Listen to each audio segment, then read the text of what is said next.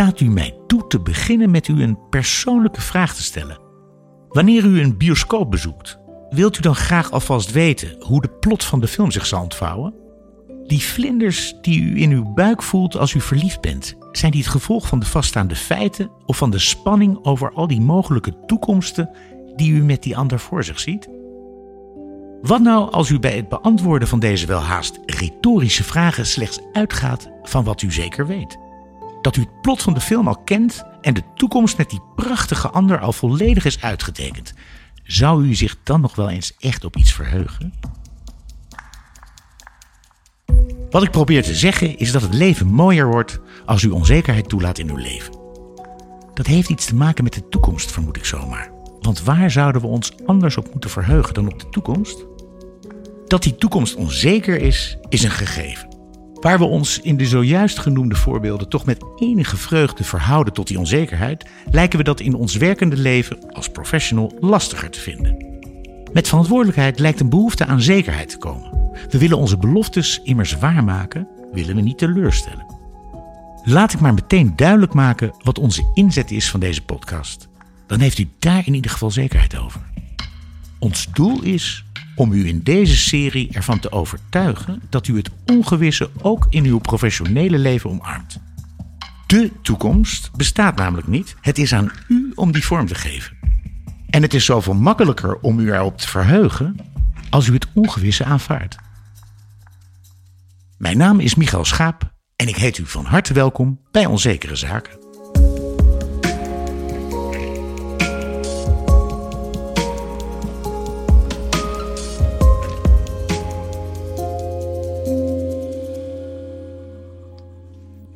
Nou ja, daar zitten we dan. Tessa, oh, deze, deze koptelefoon maakt wel heel veel zijgeluiden. Oké, wacht even. Misschien moet ik zo doen. Eén oor, dat is ook zo. Ziet er wel cool uit. Ja, precies. Je moet echt, zo dan, hè? Oh, ja. Nou, hier zitten we dan. Tessa Kramer, Merlijn Twaalfhoven. Tessa Kramer, futurist. Ja. En Merlijn, componist. Ja.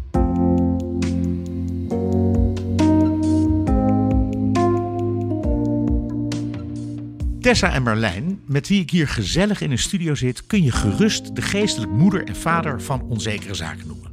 U zult ze in deze podcastserie dan ook vaker terug horen. Het idee ontstond om mij op allerlei mensen af te sturen die op hun eigen manier onzekerheid omarmen. Ik kwam terecht in de wereld van de wetenschap, de kunsten, het bedrijfsleven, de journalistiek, de filosofie, de overheid en allerlei mengvormen daarvan. Steeds met het doel om te begrijpen hoe we nou het best kunnen omgaan met die enorme berg aan onzekerheid, die we dan voor het gemak maar de toekomst noemen. Na mijn reizen kwam ik weer terug naar de studio, terug bij Tessa en Merlijn, bracht ik verslag uit en besprak ik met ze wat zij vanuit hun eigen vakgebied opmaakten uit de gesprekken die ik had gevoerd.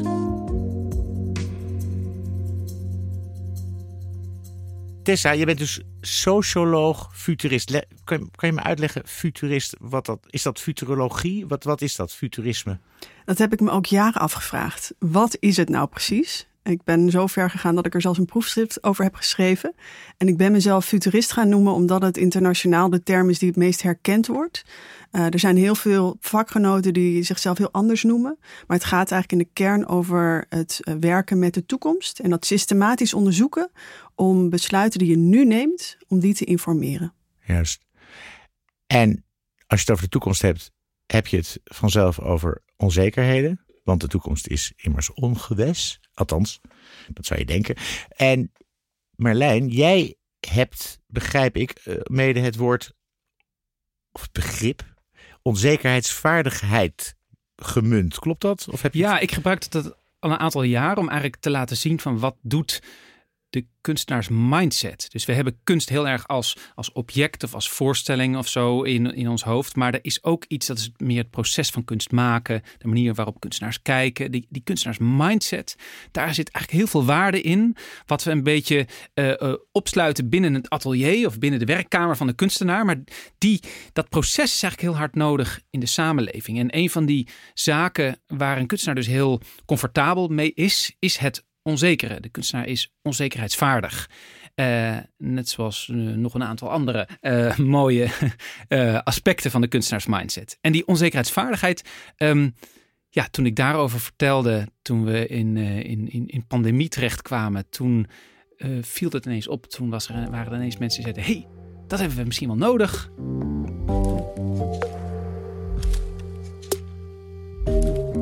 Later in deze aflevering spreken we planoloog Maarten Haaier. Maar we beginnen met Roshan Kools, neurowetenschapper. Want laten we bij het begin beginnen, dachten we. Wat gebeurt er met onszelf als we worden geconfronteerd met onzekerheid? Ja, het is heel tof dat we Roshan Kools als, uh, als eerste ja, gast of item hebben. Want het is eigenlijk heel mooi om nou eens te kijken van hoe functioneert het? Hoe, hoe zitten we in elkaar? Uh, we construeren voortdurend zekerheden. Uh, hou vast.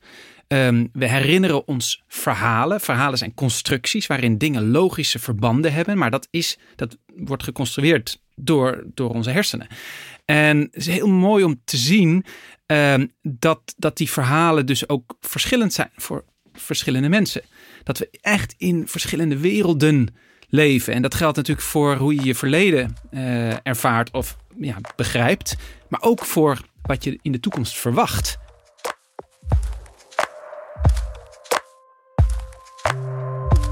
Roshan Kools is professor in cognitieve neuropsychiatrie aan de Radboud Universiteit in Nijmegen. Zij kan uitleggen wat er bij een onzekere situatie gebeurt met ons brein, met ons denken. Maar wat zeggen we nou eigenlijk als we dat zeggen? Wat is dan denken? Kunt u dat mij uitleggen? Ja, goede vraag. Nou, sommige mensen zien de, zien de, hersenen eigenlijk als, uh, als een um, voorspellingsmachine. Uh, dat, die, dat die er zijn om ons te helpen om met onzekerheid om te gaan. Hè, wij hebben te maken met gigantische hoeveelheid onzekerheid om ons heen. Eigenlijk zowel om ons heen als binnen in onszelf. Er zit heel veel ruis eigenlijk. En dus de primaire taak van het brein, van de hersenen, zou je kunnen zeggen, is om die onzekerheid te verminderen. Om een zo goed mogelijk model, uh, construct te maken van, van de werkelijkheid, zodat we zo lang mogelijk uh, kunnen blijven bestaan uh, in een zo prettig mogelijke staat. En dat denken is gedreven door die motivatie om onzekerheid te minimaliseren. Maar als er wel onzekerheid is, waarom zouden onze hersenen dan doen alsof dat niet zo is? Waarom vertelt het ons niet gewoon waar het op staat? Dat we het gewoon niet weten.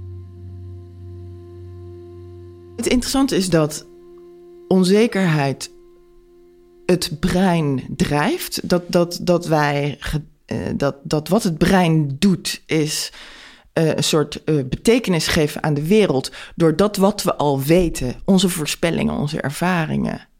te integreren met de nieuwe informatie die binnenkomt. Ja. En we zijn dus continu bezig, onze hersenen zijn continu bezig om dat wat we al weten.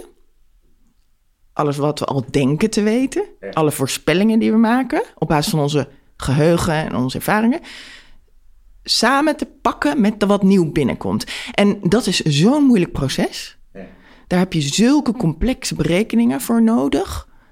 Dat onze hersenen gebruik maken van een hele hoop simpele regels. Automatiserings. Uh, ja, die, een soort kortsluitingjes eigenlijk zou je kunnen zeggen. Een soort simpele regels, een soort heuristieken noem je, noem, kan je die noemen. Hoe noem je dat? Ja, heuristieken, maar dat, dat kan je ook weer vergeten. Het zijn eigenlijk simpele regels die over uh, generaties heen, uh, waarvan gebleken is dat die goed werken. En die simpele regels, dat, die zijn ook heel kwetsbaar. Dus dat bij depressie, als je het nou hebt over depressie, of bij angst, of bij ADHD, of uh, ook uh, jij en ik, als we moe zijn of gestrest, of als we in een bepaalde staat zijn, dan maken we gebruik van een regel die in veel situaties goed werkt, maar in die specifieke situatie misschien niet. Hè? Dus bijvoorbeeld, als je denkt aan. Uh, um, um, het feit dat we voorspellingsmachines zijn. Daar gaat het dus om hoe weeg je dat wat je al weet met dat wat er nieuw binnenkomt. In een hele hoop situaties waarbij de omgeving heel lang hetzelfde blijft, is het dus best handig om veel gewicht te leggen um, op dat wat je al weet. je voorspellingen, je, je, je vooroordelen, je ervaringen. En, en als je dus heel veel gewicht legt op dat wat je al weet en je doet dat op een moment dat dat niet van toepassing is, dat de wereld eigenlijk verandert, dan ga je te veel gewicht leggen op je voorspellingen en dan ben je minder gevoelig voor, voor wat nieuw binnenkomt. Kortsluitingjes dus, die een bepaalde hiërarchie aanbrengen in alles wat we te verwerken krijgen. Zo hechten we al meer waarde aan wat we al weten dan aan wat er nieuw binnenkomt. Maar er is meer. Over het algemeen eh, is het goed om veel waarde te hechten aan wat je al weet, wat je al geleerd hebt. Over het algemeen is het goed om veel waarde te hechten aan dat wat meteen hier voor je op tafel ligt. En dat wat ver weg is, ja, daar ben je onzeker over. Is over, het, hè, over de generaties heen is het gebleken dat het niet heel nuttig is om heel veel waarde te hechten aan dat wat heel ver op afstand is. Of in de tijd of in de ruimte. Dan is er nog het onderzoek van de heer Pavlov, dat iets zegt over de natuurlijke reacties en voorkeuren van onze hersenen. U weet wel, dat onderzoek met die kwijlende honden. Wat Pavlov deed is, die gaf uh, eten aan, aan de hond. En op het moment dat uh, die eten gaf, ging die ook een belletje rinkelen.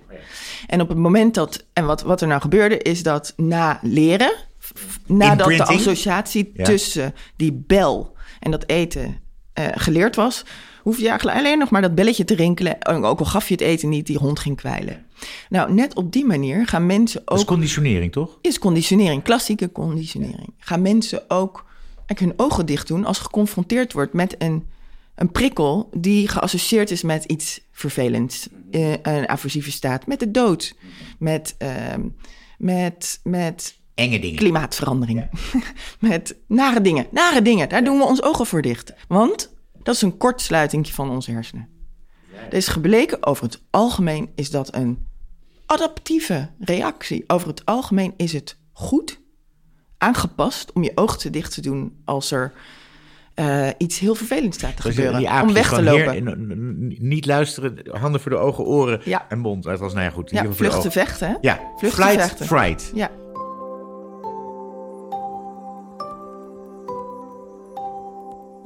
Onze hersenen hebben dus een voorkeur voor dat wat we al weten, het bekende.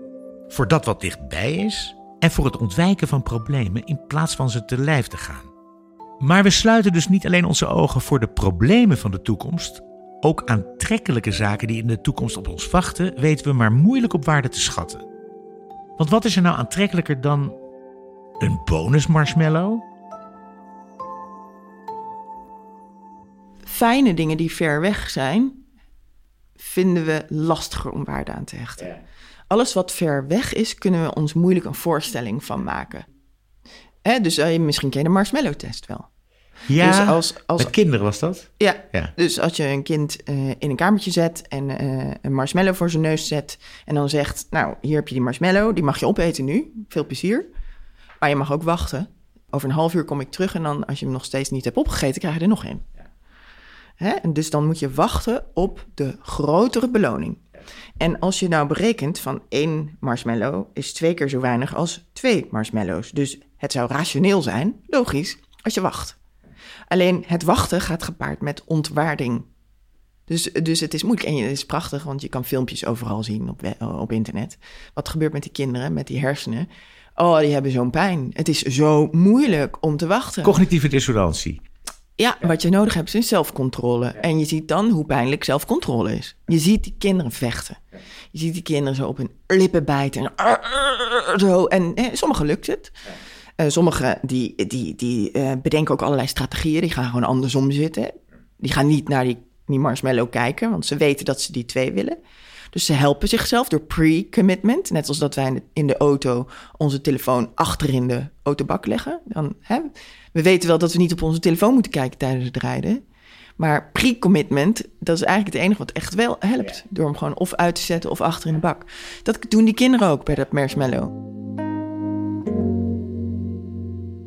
Kinderen zijn net mensen. Dus het zou naïef zijn om te veronderstellen dat wij volwassenen niet dezelfde neigingen hebben. Moeten we ons dus constant maar pre-committen om onze driften te onderdrukken? Was het maar zo simpel. Nou, dat het dus niet zozeer gaat om uh, van, van, nou, je moet meer zelfcontrole uitoefenen. Of je moet je instincten meer onderdrukken. Daar gaat het dus niet om. Je moet progressiever zijn of conservatiever zijn. Nee. Je moet meer positief framen. Nee.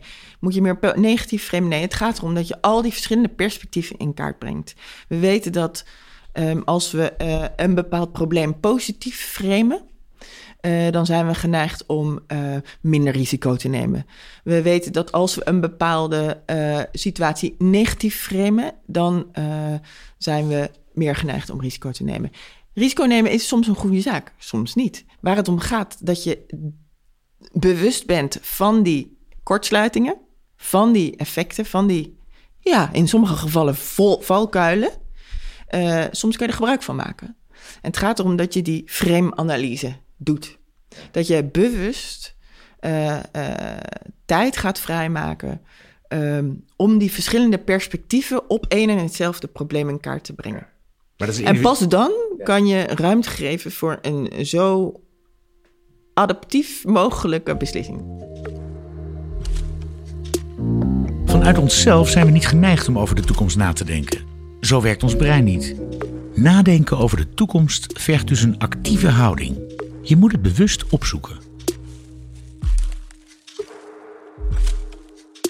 Mijn volgende gast is Maarten Haier, planoloog. In de studio vertelt Merlijn wat hem opviel aan dat gesprek. Maarten Haier die zegt iets uh, heel treffends. Hij vraagt: waarom is het nu eigenlijk goed? Dat heb ik eigenlijk, dat vraag ik eigenlijk zelf nooit zo, maar dat moeten we denk ik vaker doen. Want nou, vanuit het nu ja, willen we heel veel bewaren. We willen heel veel houden. En dat is ook het idee van duurzaamheid. Het nu is goed. Dat, dat willen we voortzetten. Maar waarom willen we dat eigenlijk? Wat is er eigenlijk zo goed aan het nu? Waarom worden we gelukkig van spullen? Of gelukkig van verre reizen? Nou, echt hele simpele vragen. Maar daar zit wel een heel belangrijk uh, uitgangspunt in. Uh, durven we dat soort vragen te stellen? En kunnen we het onzekere misschien ook zien als iets wat ons wellicht kan bevrijden van de zekerheden die we hebben, die ons wellicht uh, echt uh, in de knel zetten.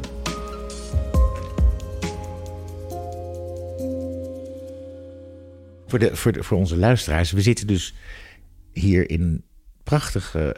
Uh, zitten we nou bij Scheveningen? Dit is Duinoord en, en, oh ja, en dit is dit is een woning gebouwd in 1894. En dat is in het decennium waar de mooiste woningbouw in Nederland is gebouwd. Waarom?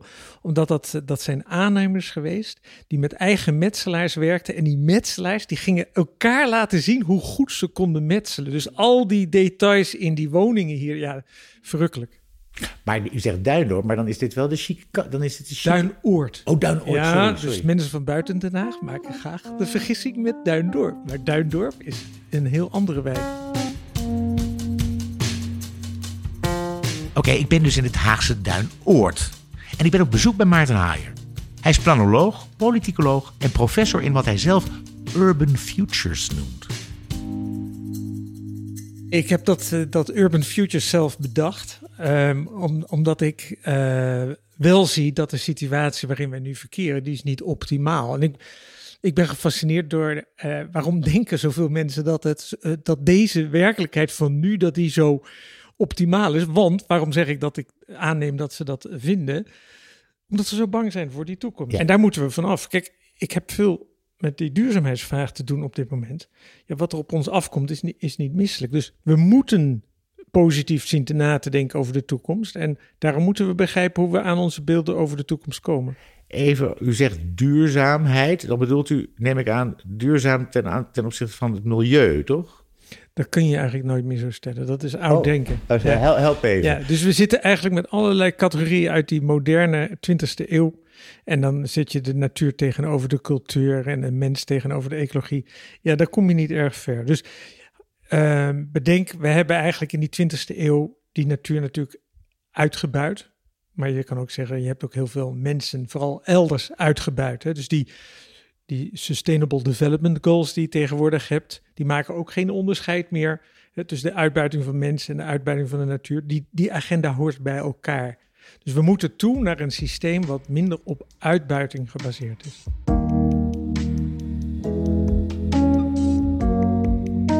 We zullen dus, als het aan professor Haier ligt, naar een toekomst moeten waar we niet langer de belangen van de mens tegenover de natuur zetten of de belangen van de mens hier tegenover die van mensen elders. Welke rol speelt de overheid erin? En om de vraag nog maar eens te stellen, waarom zou onze huidige manier van werken daarvoor zo optimaal zijn? Kijk, de, de overheid moet je je toch voorstellen als mensen die uh, hebben gekozen voor de publieke zaak en die echt alles op alles zetten om, uh, om ja, de, de, samenleving te dienen. Maar er is bijna geen moment om even na te denken. Er moet zo worden gepresteerd, ministers uit de wind gehouden worden, uh, resultaten worden geboekt. Uh, en ik denk dat eigenlijk het onvermijdelijk is dat er wat meer wordt nagedacht van ja, doen we dit nou wel op de goede manier en doen we wel de goede dingen. Dus die herijking van eh, hoe die overheid uh, zou moeten functioneren, die is aan de orde. Maar dat besef groeit wel degelijk en enorm snel. Er is veel meer ruimte voor onconventionele benaderingen. En ook veel meer zie ik nu toch dat er, dat er ook initiatieven, zoals mijn eigen Urban Future Studio, uh, worden ondersteund met het besef van we moeten niet alles aansturen, we moeten ook andere ideeënlijnen tot ontwikkeling brengen, want we realiseren ons dat de manier waarop wij het doen niet per se tot het juiste resultaat aan het leiden is. Maar als het niet tot het juiste resultaat leidt, waarom bestaat er dan toch het beeld van de ambtenarij die op dezelfde manier blijft werken? Eigenlijk moet je het niet over de ambtenarij hebben. Het gaat over de politiek-ambtelijke verhoudingen. Want de politiek heeft echt enorm het land aan onzekerheid. En een, het parlement vraagt voortdurend van ambtenaren zekerheden te geven die misschien niet reëel zijn.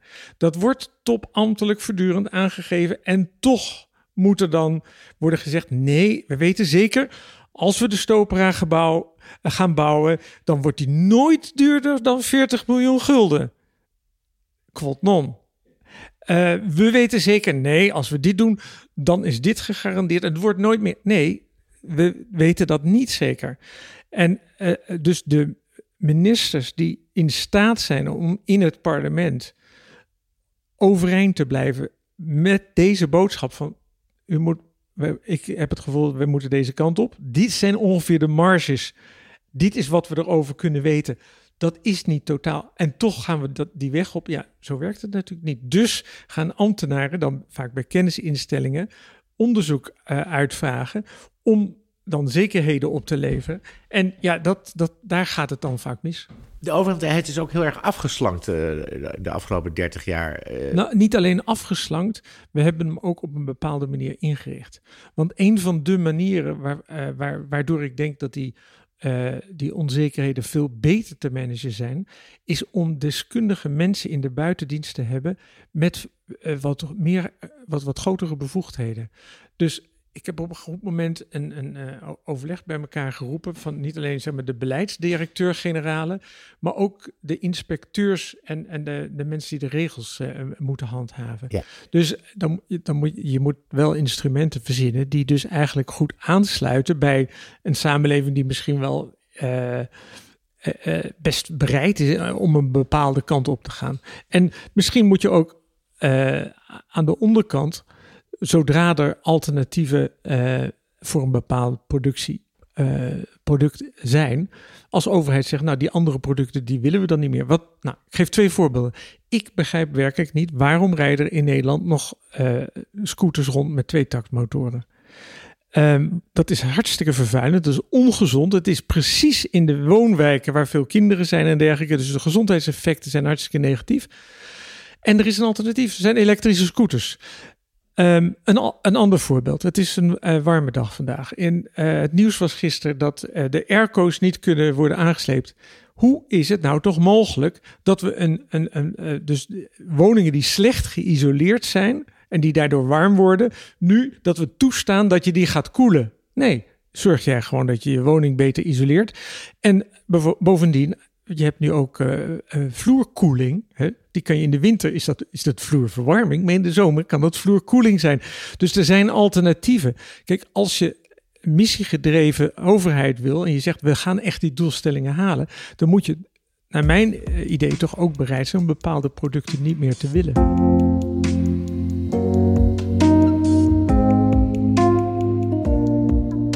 Er reizen bij u, na wat u zojuist heeft gehoord, wellicht wat twijfels. Gewoon je huis isoleren? Hoe moet ik dat betalen dan? Gaan we dan ook ventilatoren verbieden? Maar volgens professor Haier is dat nou juist de rol van de overheid. We kunnen dit soort voorstellen belachelijk maken, dat is wel zo makkelijk. Maar we kunnen wellicht beter uitzoeken hoe we die rooskleurige toekomst wel kunnen realiseren.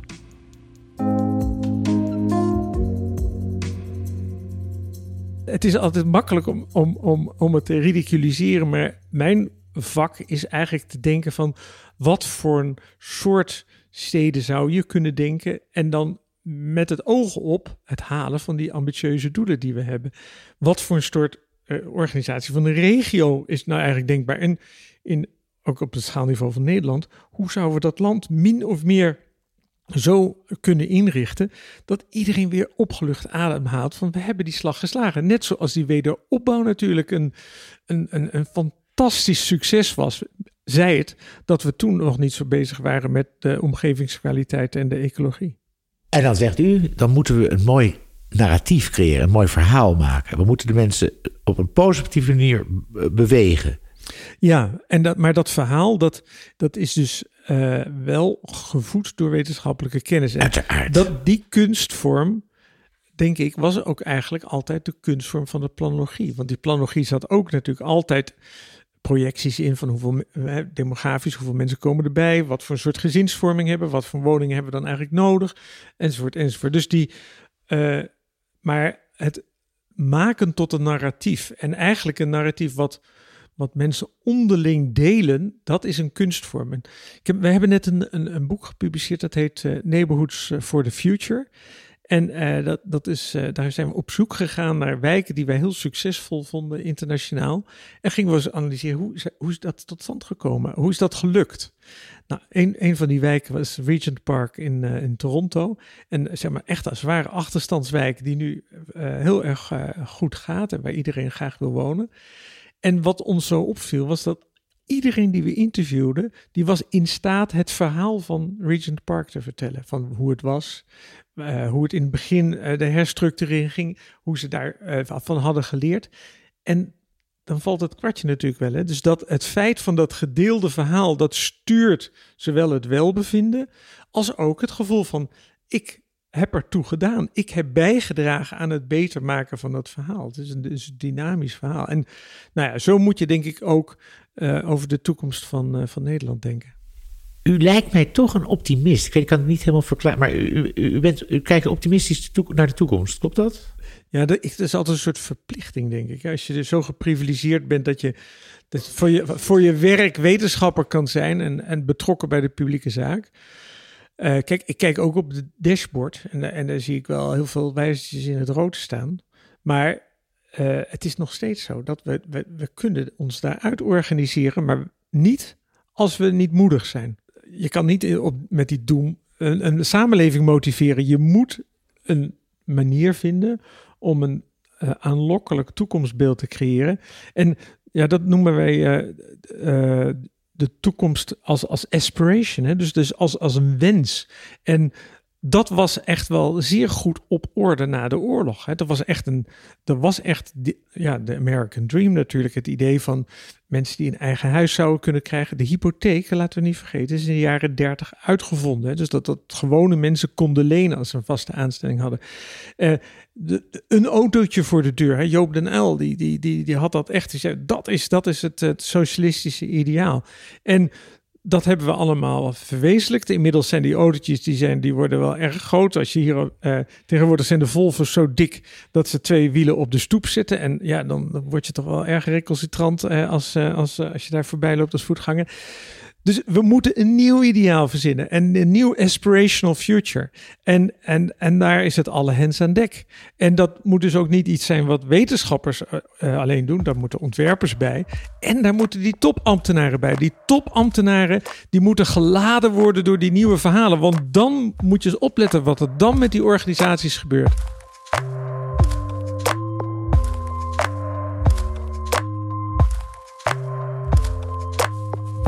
Wat ik uh, heel erg hoorde in het verhaal van Maarten Haaier was um, de moed uh, om je uit te spreken. Hoe belangrijk het is om je bewust te zijn van je eigen rol, maar ook van die majeure thema's, issues die nu spelen, die zo groot zijn dat we ze niet individueel kunnen oplossen. Hij draagt ook aan, uh, uh, werk samen, ook uh, qua bijvoorbeeld ministeries. Maak veel meer connectie tussen al die thema's. Ga niet zo op je eigen, in je eigen hockey zitten, om het zo te zeggen. Um, en wat ik daar interessant aan vind, ook als toekomstdenker, is dat hij eigenlijk heel erg pleit voor het um, ontwaren van de wenselijke toekomst. Hij beschrijft um, hoe belangrijk het is om je bewust te zijn van waar het naartoe zou kunnen gaan. En dat je dan vervolgens met elkaar gaat samenwerken, met elkaar aan de slag gaat, daadwerkelijk aan de slag gaat in het heden om daar naartoe te werken. We hebben dus voorstellingsvermogen nodig om te kunnen toekomstdenken. Ons brein houdt van houvast. Van een plaatje dat alvast geschetst wordt. Als we bij die schets nou niet alleen uitgaan van ons eigen perspectief, maar ook van dat van zoveel mogelijk anderen, zou de toekomst zomaar mooier kunnen zijn dan het heden.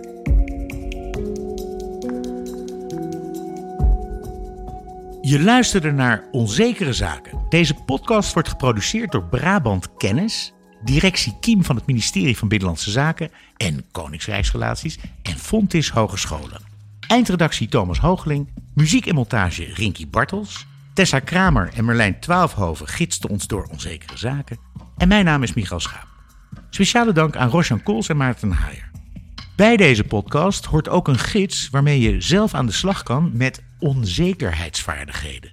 En die gids kun je dan weer bestellen op onzekerezaken.nl, de website waar je alles kunt vinden over deze verkenning.